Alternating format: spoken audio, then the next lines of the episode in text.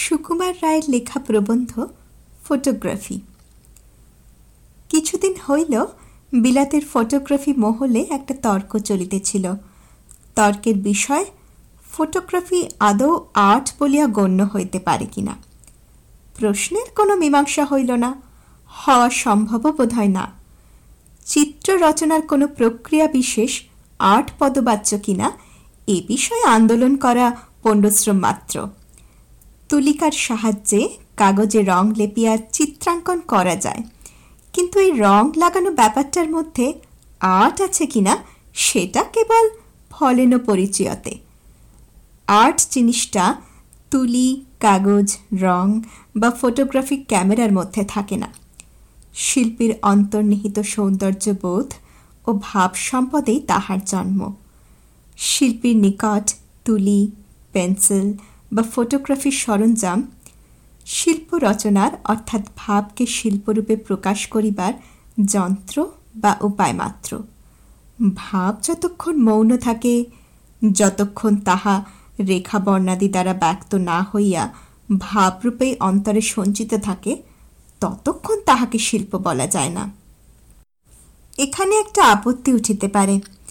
তুলি পেন্সিল বা কলম শিল্পীর আয়ত্তাধীন আয়ত্তাধীন এগুলিকে শিল্পী রেখাঙ্কন ও বর্ণ যথা রুচি ব্যবহার করিতে পারেন কিন্তু ফটোগ্রাফির লেন্স বা প্লেট তো তাহার ইচ্ছা অনিচ্ছার অনুগত নহে অকাট্য বৈজ্ঞানিক প্রক্রিয়ার মধ্যে শিল্পীর ব্যক্তিগত কেরামতির স্থান কোথায় আপত্তিটার মূলে যুক্তিযুক্ততা রহিয়াছে সন্দেহ নাই বাস্তবিক আর্ট হিসাবে ফটোগ্রাফির ক্ষেত্র নিতান্ত সংকীর্ণ বলিতে হইবে ফটোগ্রাফি বলিতে সাধারণত দৃষ্ট বস্তুর চেহারা তোলা বোঝায় ইহাই ফটোগ্রাফির মূল কথা অনেকের পক্ষে এখানেই তাহার চরম পরিণতি ফটোগ্রাফির প্রথম সোপানি উঠিয়াই আমরা নিরীহ আত্মীয় স্বজনের মুখশ্রীকে অনায়ত্ত বিদ্যার পরীক্ষা ক্ষেত্রে পরিণত করি এবং মনে করি ফটোগ্রাফি চূড়ান্ত করিতেছি দুঃখের বিষয় এই আদিম অবস্থার উপরে ওঠা অনেকের ভাগ্যেই ঘটে ওঠে না কিন্তু যাহারা ইহার মধ্যে উচ্চতর আদর্শের অনুসরণ করেন তাহারা জানেন যে ফটোগ্রাফি বিদ্যার অনুশীলনে সৌন্দর্য চর্চার যথেষ্ট অবকাশ পাওয়া যায় সুন্দর বস্তু বা দৃশ্যের যথাযথ ফটোগ্রাফ লইলেই তাহা সুন্দর ফটোগ্রাফ হয় না কারণ আমাদের চোখের দেখা ও ফটোগ্রাফির দেখায় অনেক প্রভেদ জিনিসের গঠন ও আকৃতি ফটোগ্রাফিক চাক্ষুষ প্রতিবিম্বেরি অনুরূপ হইলেও প্রাকৃতিক বর্ণ বৈচিত্র ফটোগ্রাফি কেবল ঔজ্জ্বল্যের তারতম্য মাত্রে অনুদিত হইয়া অনেক সময় ভিন্ন মূর্তি ধারণ করে অনেকেই লক্ষ্য করিয়া থাকিবেন সাধারণত হরিৎ পিতাদি উজ্জ্বল বর্ণ ফটোগ্রাফি অত্যন্ত ম্লান দেখায়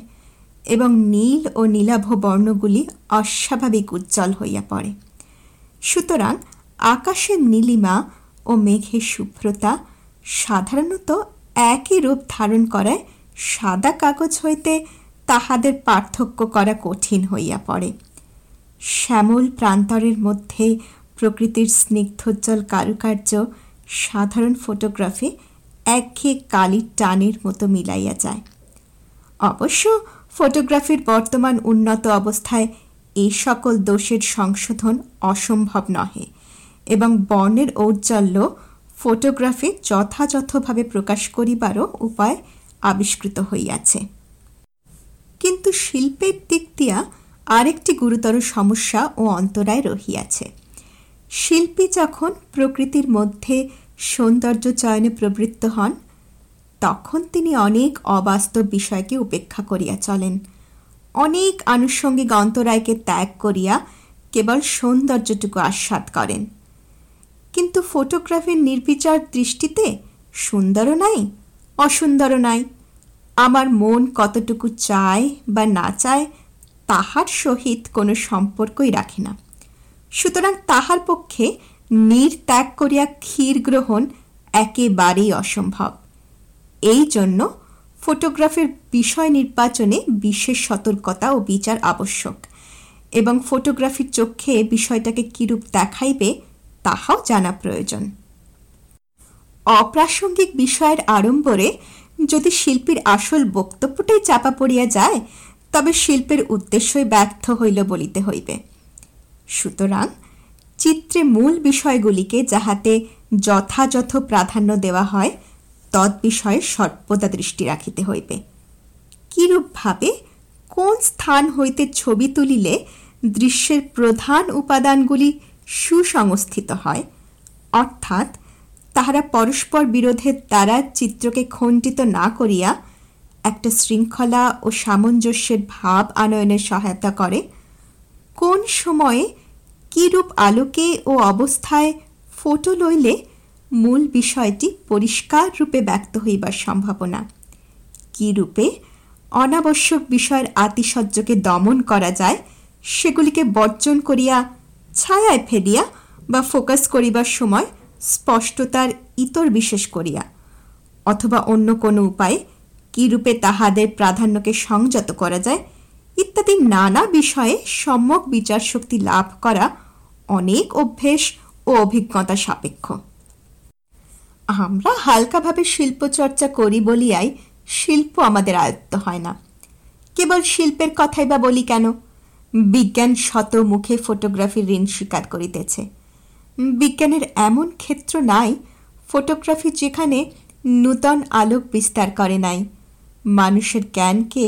দৃঢ়তর অভিজ্ঞতার ভিত্তিতে প্রতিষ্ঠিত করিবার সহায়তা করে নাই